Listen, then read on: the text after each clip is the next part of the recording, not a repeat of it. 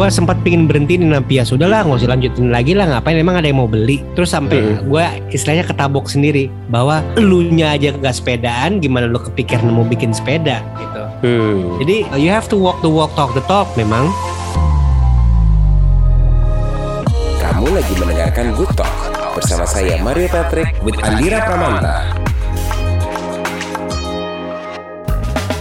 Hey good friend, kita ketemu, ketemu lagi di Good Talk barengan sama gue Mario Patrick. Ah, Sudah siap-siap nih. Ini baru mau mulai ngomong aja udah salah-salah melulu nih. Nggak boleh ya, karena emang obrolan kita kali ini akan panjang sekali dan ini eh, semoga ya episode kali ini dari obrolan gue dengan teman ngobrol gue kali ini ini akan membuat lo jadi tersadar bahwa beneran kok yang namanya hobi itu bisa jadi uang ya asal emang lo konsisten gitu di situ. Nah yang akan gue ajak ngobrol untuk hari ini adalah eh, satu orang yang memang dia ada pekerjaan tetapnya ada tapi yang namanya urusan kreatif pun juga masih tetap jalan. Nanti kita akan ngobrol sama Andira Pramanta jangan ke mana-mana tetap di Good.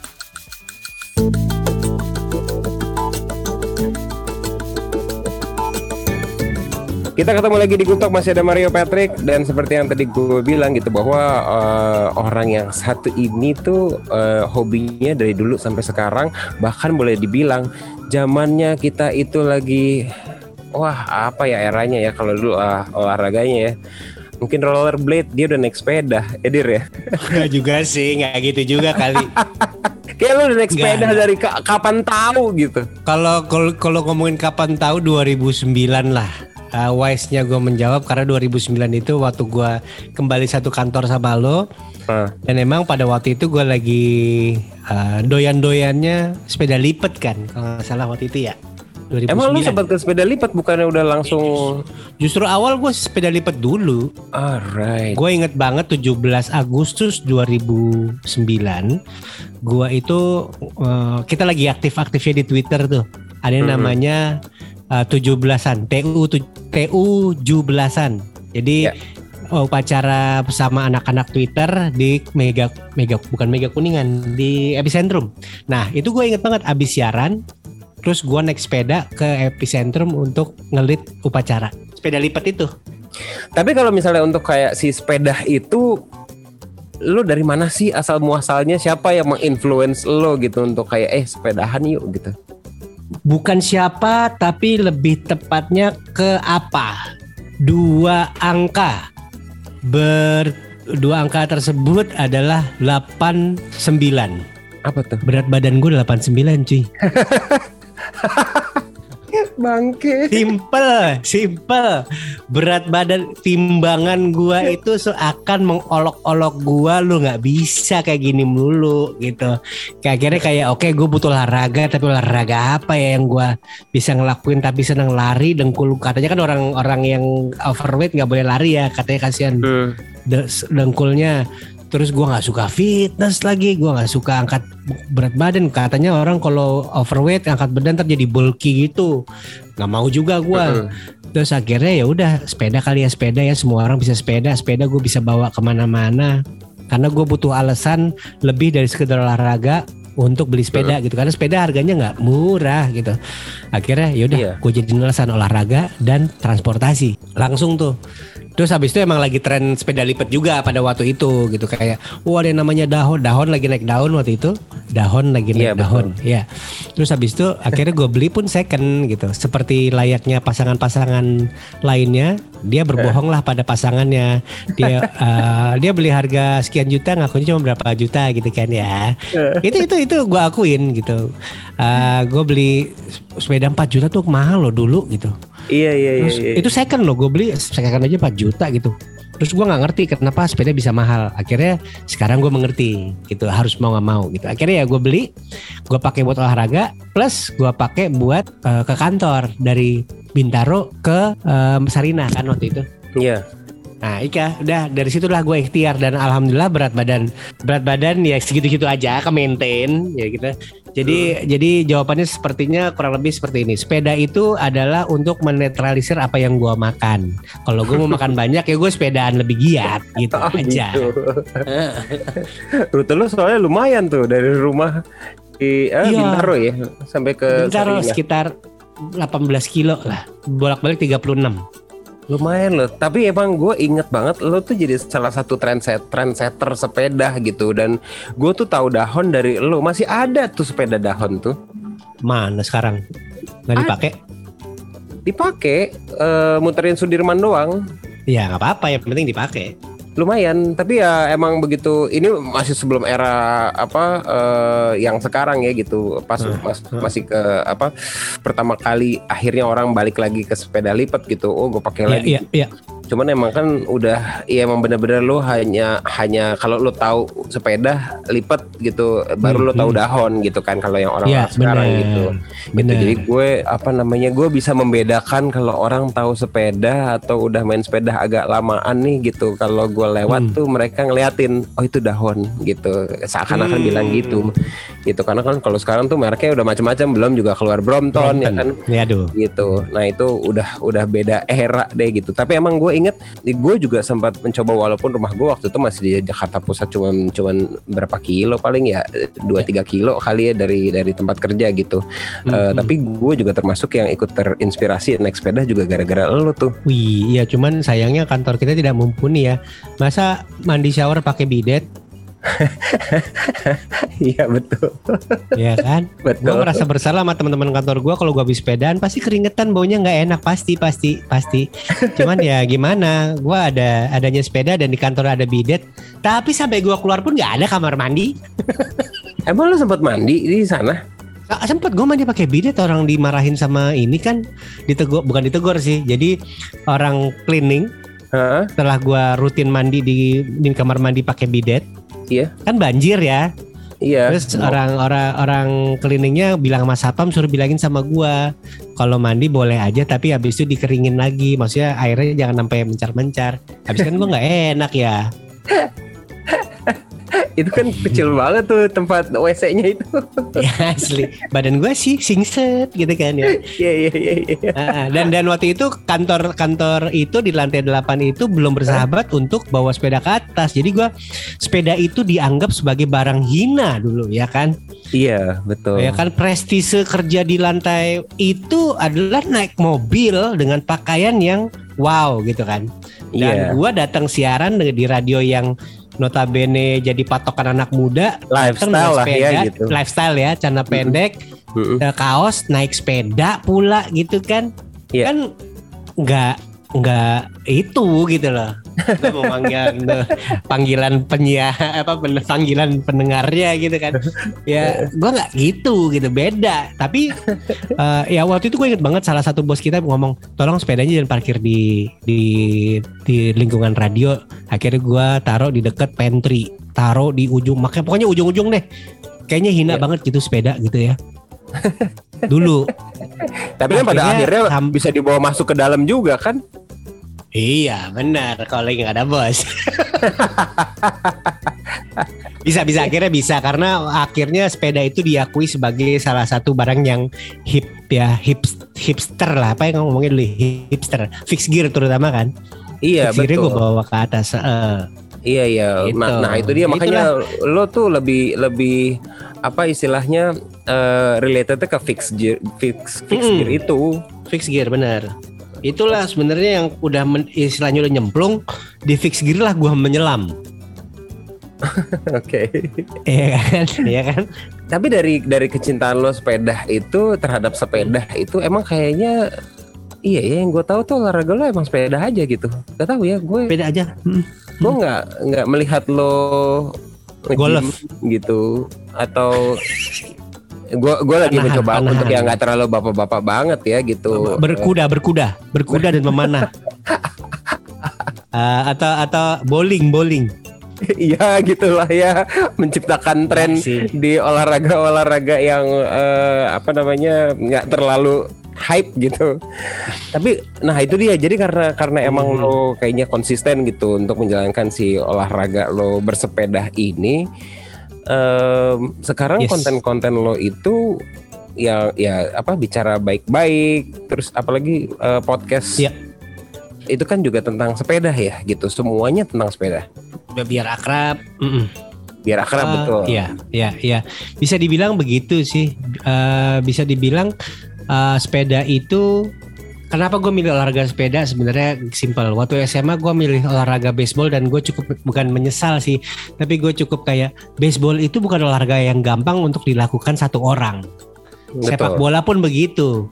Betul. Sepak bola harus 11 atau ber-22 baru lu happy gitu dan harus sewa lapangan. Lu nggak bisa juga golf, golf lu harus ke lapangan yang besar eh, dan segala macam. Jadi olahraga yang paling gampang adalah olahraga yang gampang diakses tanpa harus ditemenin siapa-siapa ya. Sepeda, ya lari. Iya. Eh, kalau berenang pun masih ke kolam renang gitu. Jadi effortnya tuh paling kecil sepeda. Makanya gue memilih sepeda over kembali main baseball kayak waktu SMA. Lulus Hmm. SMA gue bingung main baseball sama siapa. Harus ke lapangan, harus janjian. Hujan kagak jadi main. Olahraga Iya. cuman mukul, lari bentar, habis duduk lagi. Kayak apa makna hidup ini gitu. Iya, Akhirnya gue pilih sepeda. Nah, kenapa di sepeda gue bisa sampai dalam? Karena itu tadi eh, niat pertama gue adalah untuk olahraga dan eh, commuting kan. Dan kemudian gue nyemplung di sepeda kedalaman sama fixed gear. Di mana Iya. gue menemukan komunitas, ketemu teman-teman baru yang membawa gue ke eh, istilahnya ke dunia baru lah kayak oh gue kenal sama anak-anak IKJ dengan Gibran terus gue ketemu IP IP-nya Andin di situ terus gue ke gue ketemu banyak network baru di situ dan networknya tuh kreatif semua kayak wow they they they are speaking the same language gitu kreatif the world dan mereka riding the same bike dan mereka tidak melihat sepeda lu baru sepeda lu lama segala macam. Hal-hal kayak gitu yang membuat gue nyaman di dunia sepeda sampai akhirnya gue mau give back uh, ke dunia itu sendiri gitu. Kayak oh ini perlu nih orang lebih banyak bersepeda nih. Gimana ya cara bantuinnya ya? Akhirnya satu persatu teman gue ada yang bikin brand A brand brand B brand C dan gue pun akhirnya uh, bikin brand sendiri gitu. Sampai ke bawah sampai sekarang gue masih sebenarnya sih yang namanya bicara baik-baik itu Heeh. konten di YouTube itu itu Heeh. planningnya udah dari 2011 2012 waktu gue siaran Oke. Cuman gue belum punya kru dan dan kepandaian untuk bikin konten seperti itu gitu. Jadi kamera gue belum punya, gue belum punya studio, gue belum punya punya alat-alat yang proper gitu. Akhirnya ya baru kejadian belakangan ini ketika manajer manajer gue bilang gini, eh sayang lu YouTube kalau nggak dipakai gitu. Hah. Lu mau ngisi apa? Ada sih yang selalu gue pengen lakuin yaitu sih bicara baik-baik akhirnya terwujud lah di situ. Lari ke podcast. Ya akhirnya situ-situ lagi ya sepeda-sepeda lagi ya. Tapi terus terang gue pernah kabur loh dari dunia sepeda. Gue meninggalkan dunia sepeda tuh pernah. Kenapa tuh? karena orangnya udah mulai berkurang. Di 2012 2010 itu kan big bang banget tuh sepeda. Iya. 2010, 2011, 2012, 2013 orang mulai meninggalkan. Bukan meninggalkan, tapi lebih ke orangnya tuh evolving semua. Ada yang lari Iya, maraton iya. jadi Ironman, ada yang Iya. berenang, ada yang main motor Vespa, skuter, main Harley, ada yang koleksi mobil. Sementara gua kan nggak ada dana untuk koleksi itu semua ya. Akhirnya gue stick di sepeda aja. Tapi teman gue udah mulai berkurang eh, dan gua ngerasa kayak oh satu lagi, gue menemukan nikmatnya dari rumah ke kantor naik KRL. Hmm. Jadi gue tinggalkan gitu. Iya. Tapi lama-lama eh kangen juga akhirnya balik lagi. Itulah sebenarnya sih love and hate. Iya sih, tapi emang kalau gue perhatiin tuh ya ini dalam jangka waktu yang kalau dipikir-pikir ternyata lama juga, tapi kalau dijalanin tuh kayaknya nggak lama-lama juga gitu. Maksudnya ketika di masa pandemi ini di mana orang balik lagi ke sepeda gitu waktu itu gue juga sempat bilang kayak Oh, this is so 2011 loh gitu Iya, ya. iya, Eh, 2010 2011 loh. Waktu itu gue juga naik sepeda gitu. Merasa sombong lagi. Iya. Honest ya, to be honest itu ya. itu Mana tuh kayak lo, gitu. makanya gue bilang gitu kan naik dahon itu kalau ada yang ngeliatin ibaratnya lo naik Mercy Tiger gitu men ya kan Asli, asli. ya. Iya iya iya. Iya dan bener juga ada tren eh, ketika orang akhirnya beralih ke eh, lari semuanya. Wow sampai ke maraton sampai ke ya Ironman itu eh, kayak gitulah gitu ya. Terus ganti lagi ke era street workout gitu. Eh sekarang ya emang karena keadaannya pandemi itu justru emang jadi eh, apa balik lagi ke sepeda. Sepeda pun balik apa berevolve lagi gitu ya. Dari Gila sepeda sih. ke road bike gitu. Kalau lu tanya perbandingan gue dapat pertanyaan pe- pe- perbanding selalu begini. Apa bedanya 2010 dan 2020 dalam konteks sepeda? S- 2020 itu berlipat-lipat dari 2010 jauh lebih gede. Iya. karena apa? Satu yang dulu naik sepeda sama kita kembali lagi keluar sepedanya dari gudang. Iya. yang kedua yang dulu awalnya dari lari dan segala macam gua nggak kenal terus tiba-tiba sekarang naik sepeda Iya. Terus belum yang latah ya, gitu ya, yang latahan pingin ikut yang keracunan temennya lah, nggak mau kalah ketinggalan, either itu buat olahraga, buat buat atau sekedar cuma buat foto-foto. Gua I don't mind, I don't mind. At least they're riding their bike gitu kan. Heeh. Gua gua cukup takjub kayak sampai lu denger gak sih bahwa betapa sempat susah nyari part sepeda. Sempat ada namanya Iya. Gua ngeliat sendiri, gue pergi ke toko sepeda di tahun 2020 tahun lalu. Eh, terus ada istri sama kayaknya istri sama suami ya gitu ya. Cuman Heeh. istri emang jauh lebih muda gitu ya. Gua nggak tahu lah. Tapi gua ngeliat gitu. Anaknya nggak sih? Ama- ah, so- apakah seorang anak memanggil bapaknya sayang? ya, oke anyway, anyway, yang mereka lakukan adalah begini. Eh, di dalam toko sepeda itu semua sepeda sudah hampir habis. Ada beberapa yang tinggal display. Lu tau lah sepeda yang display itu adalah sisa-sisa yang mahal aja gitu kan. Iya. Dia udah sampai dalam tahap begini. Ini sepeda bagus, tapi size-nya bukan size bapak. Ini size berapa?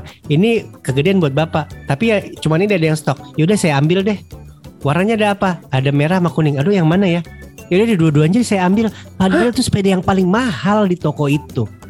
And by mahal, I mean like 120 million rupiah.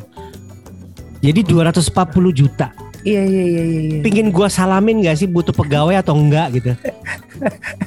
Kirain lo jadi manggilnya eh sayang mau yang mana?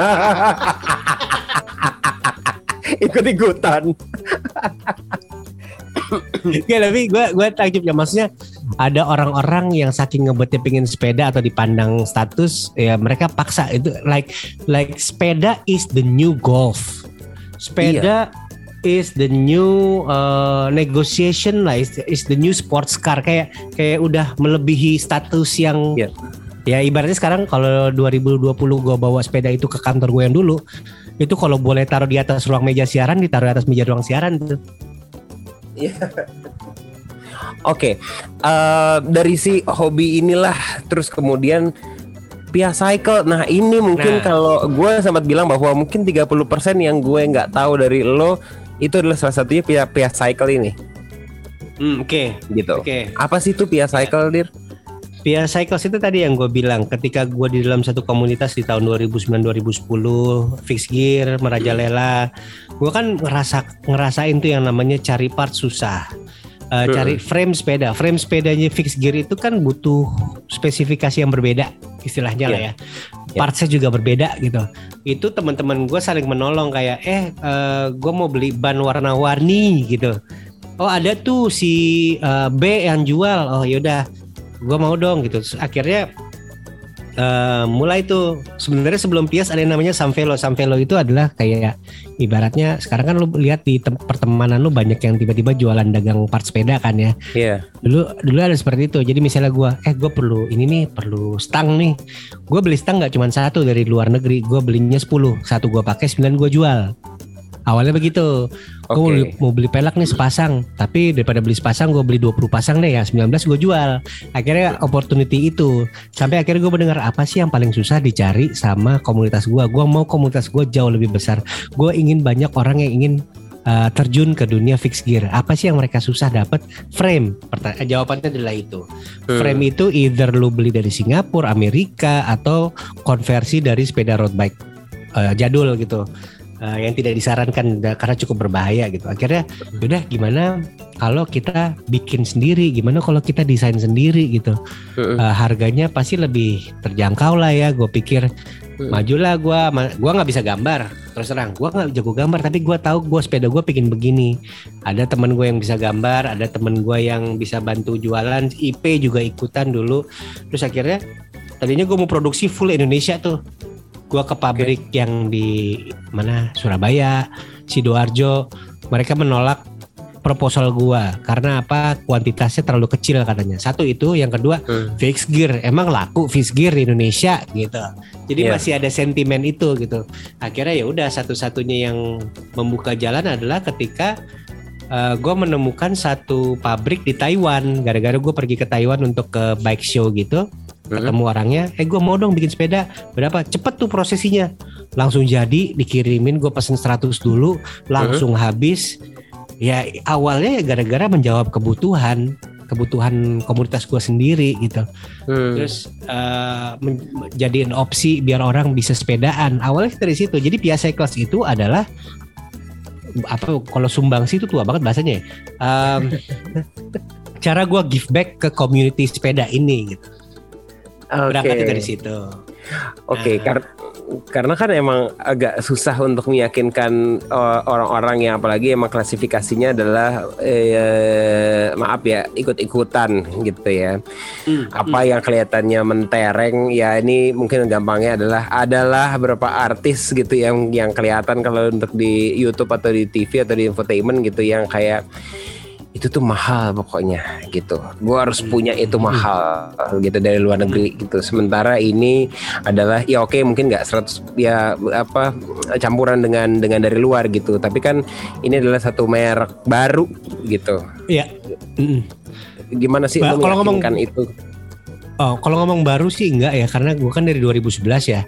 eh buat gue itu cukup lama lah untuk mempertahankan sebuah brand entah berantah eh, sampai 2021 nih lumayan gitu. Iya. Em, Kalau dibilang sepeda gua mahal atau enggak juga. Jadi apa ya? Gua menyasar market bukan new market. Gua menyasar market yang eh, yang premier gua adalah teman-teman yang tahu kualitas dan brand gua tuh seperti apa. Heeh. Yang beli sepeda gua percaya sama taste gua, taste IP, Ya. taste-nya uh, Rangga Panji. Jadi Ya. kalau nggak ada di komunitas ini, lo nggak akan tahu brand gua gitu. Segitu niche marketnya si Pia Ya. Cycles ini. Jangan dibandingin sama United dan um, apalagi tuh uh, Polygon bla bla bla. Ya. Kita kecil banget, cuman kita niche market gitu. Ya. Uh, gua gua bisa hampir bisa mendetek siapa aja yang membeli frame gua dan ada di mana aja sejauh Ya. ini ya. Uh, walaupun mungkin udah dijual lagi jual jual beli jual beli akhirnya masih ada. Tapi kalau seberapa susah meyakinkan market baru ini yang uh, brand minded, gua nggak perlu sih. Gua nggak tidak perlu meyakinkan dia. Yang perlu gue yakinin adalah um, mereka yang tahu dan mereka yang nyari karena biasanya saat ini terutama rilisan-rilisan lima tahun belakang yang nyari brand gua itu bukan untuk sepeda pertama tapi sepeda kedua sepeda ketiga Hmm. gitu jadi Hmm. jadi mereka yang sudah melewati sudah cukup dewasa di dunia sepeda dan sadar bahwa oh ternyata sepeda itu bukan tentang merek gitu sepeda Iya. itu tentang ada harus punya karakter gitu nah akhirnya ya itu alasan kenapa gue kalau jualan sepeda juga nggak pernah full bike gitu. Gue sepeda pasti jualan cuma frame doang. Karena apa? Gue memberi keleluasaan orang untuk menjadikan sepeda itu uh, extension dari identifikasinya dia gitu. Ya lu bebas mau jadi sepeda ini kayak gimana mau warnain pink kayak warna apa yang penting sepeda ini lo nyaman lu pakai dan lu pakai ya. Jangan cuma lu pajang intinya sih gitu. Itulah Oke. jadi gue nggak perlu meyakini siapa-siapa kok. Oke, oke. lu gue yakinin kejual aja mah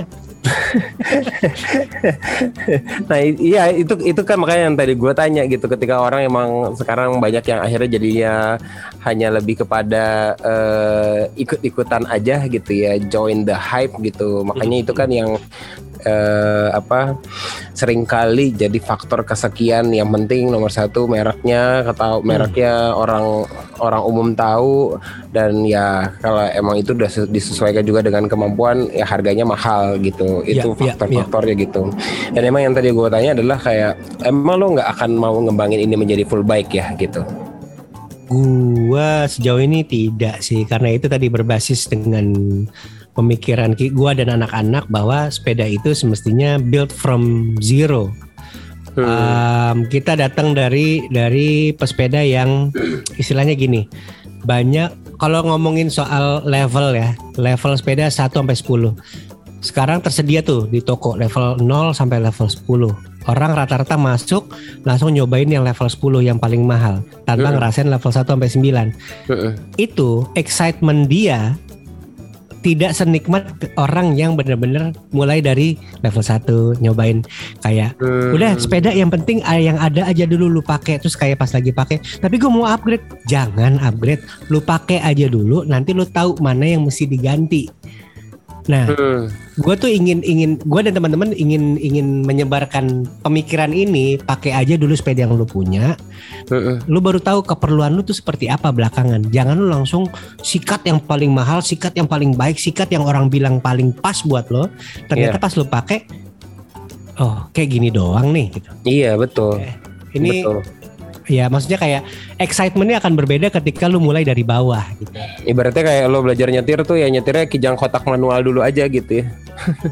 asli nggak langsung metik gitu iya. gue mau ngomongnya cuman gue takut di dimusin orang-orang ya bedanya orang pacaran PDKT 3 tahun sama ta'aruf gitu langsung kawin akan akan berbeda gitu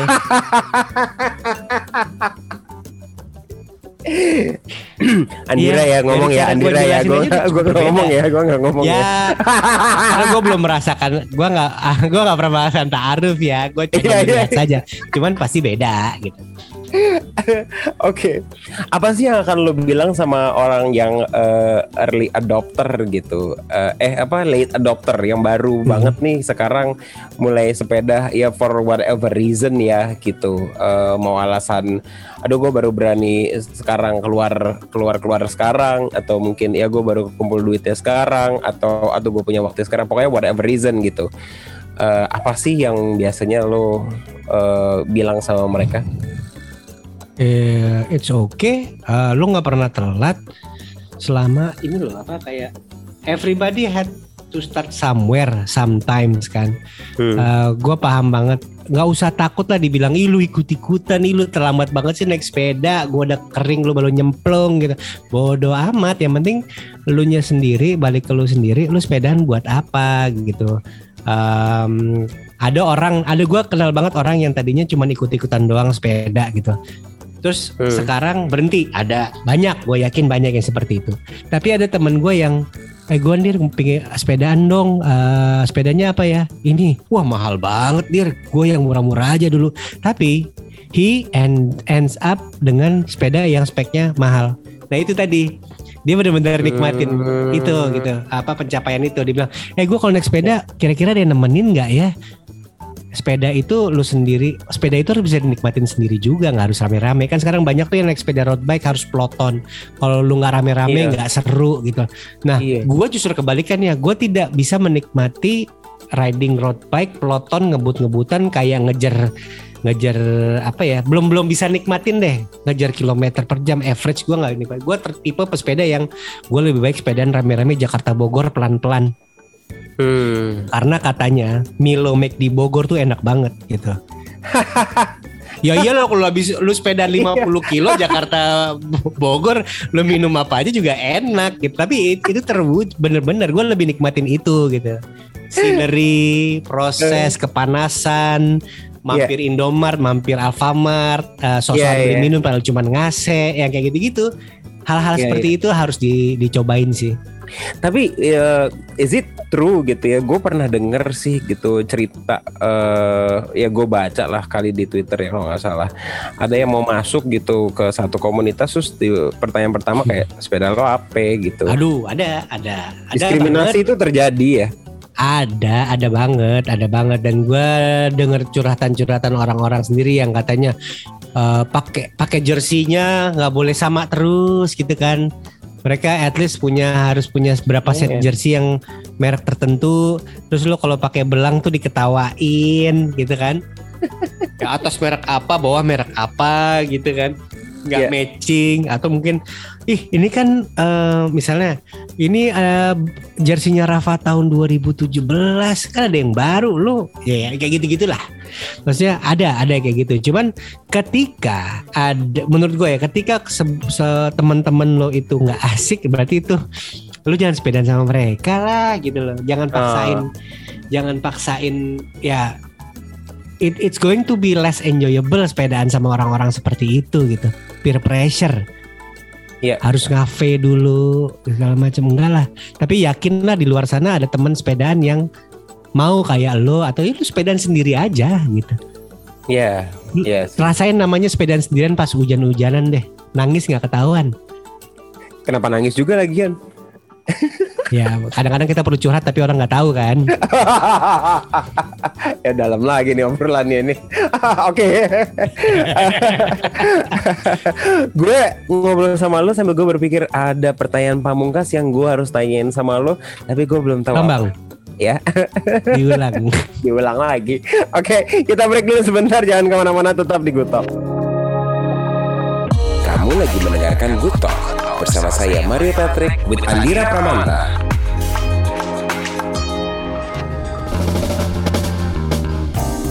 Kita kembali lagi di Good Talk masih ada Mario Patrick dan juga Andira Pramanta. Eh, obrolan kali ini tuh memang eh, membuka mata gue gitu soal komunitas bersepeda yang emang sekarang itu udah evolve bukan hanya dari segi olahraganya aja, tapi nilai lifestyle-nya tuh udah sangat tinggi sekali gitu. Ketika ketika udah bukan pertanyaan lu udah pernah sepedaan sampai mana gitu ya, tapi perkakas perkakas semua perlengkapan yang nempel di sepeda lo itulah yang menjadi menjadi satu pertimbangan apakah Iya.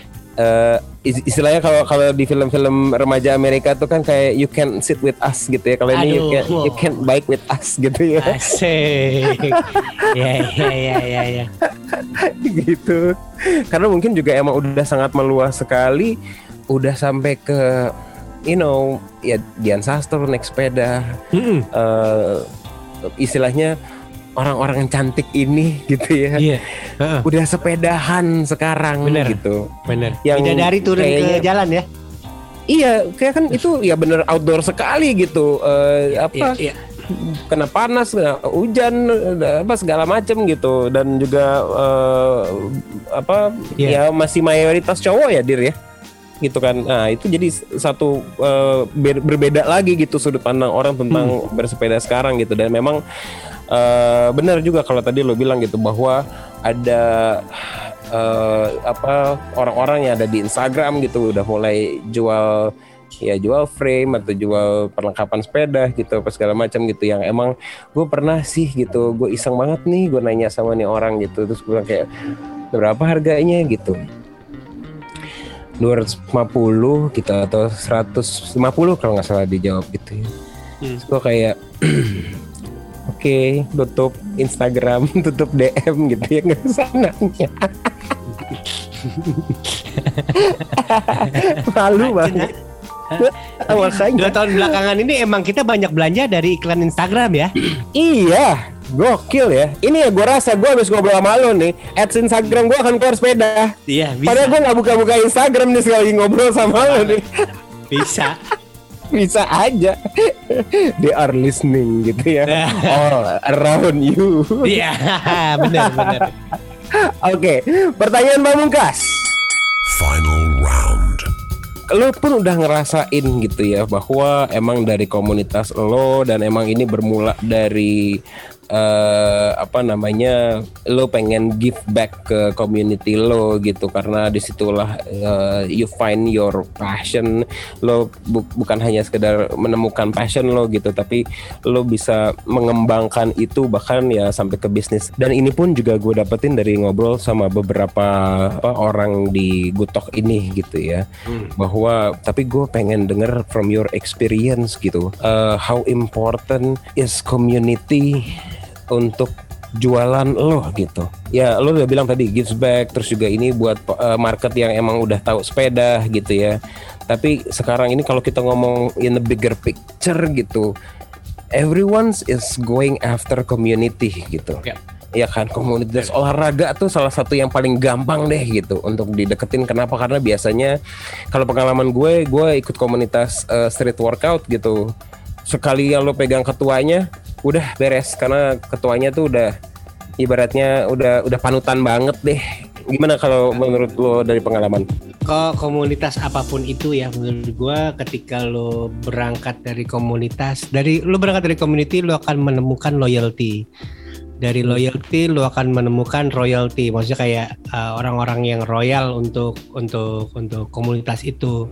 Ya, itu sebenarnya yang rasakan, rasakan langsung tanpa sengaja ketika gue di dalam dunia sepeda. Jadi waktu gue masuk di dunia sepeda ini gue sama sekali gak tidak berpikir oh gue di dalam komunitas nih.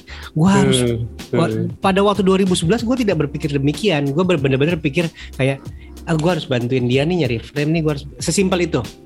Hmm, gue ngerasa di di ruang ruang yang kecil dan gue harus bantuin orang di satu ruang itu. Gue tidak berpikir karena kalau gue begitu uh, mikir itu adalah gue mesti build komunitas di mana gue bisa monetize itu komunitas itu tidak akan tidak akan berjalan Yeah. lancar berjalan lama jadi ketika lu belong in a community you will find loyalty that leads to royalty menurut gue Hmm. begitu dan itu terjadi di dunia sepeda Uh, dan komunitas itu akan kerasa hilang bukan karena orang-orang di situ berpencaran, tapi kadang-kadang karena kita sendiri sudah menjauh dari komunitas itu. Contohnya, yang 2014 tadi itu gua ngerasa ah udah nggak banyak nih orang yang sepedaan. Emang gue masih, emang masih ada yang mau beli kalau gue bikin sepeda sekarang. Itu sempat Iya. keluar dari mulut gua. Gua sempat pingin berhenti nih Nampia. Sudahlah, nggak usah lanjutin lagi lah. Ngapain? Emang ada yang mau beli? Terus sampai gua istilahnya ketabok sendiri bahwa elunya aja nggak sepedaan, gimana lu kepikir mau bikin sepeda gitu. Hmm. Jadi jadi jadi uh, you have to walk the walk talk the talk memang. Ya. Uh, tapi ya kuncinya sih itu tadi tadi gue bilang again uh, community, loyalty, royalty dan lu kalau kalau mau mau monetize kalau niatnya langsung monetize itu community, community itu tidak akan berjalan lancar bahkan dari pertama nggak akan ketemu asiknya itu udah nggak ada. Ketika lu bayar orang untuk masuk bikin satu komunitas apalagi orang Iya. akan walaupun Iya. itu eh ikutan komunitas sepeda ini karena di sini dibayar gitu ah, well, lebih lebih hancur lagi itu sih gitu Iya, iya. ya itulah pandangan gua terhadap komunitas makanya ketika gua kerja di kantor yang sekarang yaitu si bioskop ini ketika gua ngehandle sebuah komunitas gue tuh bener-bener harus kayak mengerti pola pikir komunitas ini tuh seperti apa sih jadi Hmm. Jadi eh, pikirnya kayak ah mereka dikasih ini seru nih pasti dikasih ini senang belum tentu gitu. Jadi ketika ketika gue di kantor yang sekarang meng- mengengage komunitas anime misalnya gue pikir kalau dikasih anime itu gue mesti kasih eh, mereka like free kupon untuk nonton animasi yang berikut berikutnya. Nggak loh mereka lebih senang dikasih sekedar cuman postcard doang kecil dan they willing to pay for it. Jadi apa Hmm. yang kita pikir keren buat mereka belum tentu yang mereka pikir. Jadi kita mesti get into their minds sih. Kalau lu mau mau mau masuk di komunitas itu gitu. Iya Baik sih, kalau iya lu sih. lu berasa di komunitas itu. Misalnya lu punya produk nih, siapa pun deh punya produk mau tapin sebuah komunitas. Kalau elunya sendiri atau nggak ada orang yang mengerti soal komunitas itu, ya at least lu ambil satu orang di komunitas itu untuk tanya. Gue punya produk ini don, gue ingin, gue butuh, jujur aja gue pengen riding your community gitu. Up, lu, ah, is, there, is there anything you can do or I, we can give to you gitu. Kalau nggak ada, jangan dipaksain. Iya, iya, gue setuju banget sih. Emang Heeh. itu beda banget sih emang ketika lo datang lo sebagai brand gitu terus lo datang ke satu komunitas dengan kayak hey misi gue mau jualan dong gitu ya apa pun Hmm. kemasan kalimat lo itu tetap akan eh, Baca ya. Cara mereka nerima lo tuh akan berbeda gitu ya. Betul, Iya, betul, betul betul, betul. betul. Ah, apa ya satu lagi tadi gue mau ngomongnya kayak misalnya aku lupa lagi mau udah lanjut aja. Orang tua dasar. Orang tua dasar. Hmm. oke sebenarnya gue mau keluar lagi tadi punchline tapi ya harus diingat gitu. Kalau lo nih untuk good friend yang cowok lo mau ambil segmennya berhijab ya bukan berarti lo datang situ pakai hijab ya nggak bisa. Bisa Laki, lu laki, lu laki. Gak usah pakai hijab susah. Nggak bisa. Nggak bisa. Kecuali lu siapa tuh yang di TikTok yang kayak eh, sayang. Ya kalau bercandaan boleh lah kalau ngomong tapi nggak juga sih ya. Jangan lah ya. Ada. kalau lu Nggak jual hijab lu jangan approach Deddy Kobuzer gitu. Jangan. Siapa kemarin ceritanya? Oh Iwan Sastro dia bilang gue disuruh endorse hair gel gel rambut. Ya gimana? Dulu bang. Mengkilat nih kepalanya. Masih ada. Sip kalau gitu. Dear thank you so much loh. Thank you. Sama-sama Mario Eh, buat yang lain juga ya. Thank you udah dengerin. Thank you, thank you banget. Ini insightful banget gitu. Eh, apa namanya untuk good friend yang dengerin, apalagi emang sekarang lagi gila-gilanya bersepeda gitu. Eh, coba dieksplor aja gitu karena Hmm. ya hitung-hitung ini menghilangi, menghilangkan atau mengurangi stres lo WFH dengan jam tak terduga ini ya kan. Bener-bener. Sip kalau gitu. Oke, thank you so much sekali lagi dan juga untuk good friend jangan lupa untuk dengerin Good Talk barengan sama Mario Patrick ini hadir setiap hari Senin sampai dengan hari Jumat jam 10 pagi sampai dengan jam 4 sore di Delta FM, Bahana FM dan juga Female Radio. Full podcastnya itu ada di Spotify Masima Podcast. Mario Patrick undur diri dan kita ketemu lagi di Good Talk berikutnya. Bye. Terima kasih sudah mendengarkan Good Talk.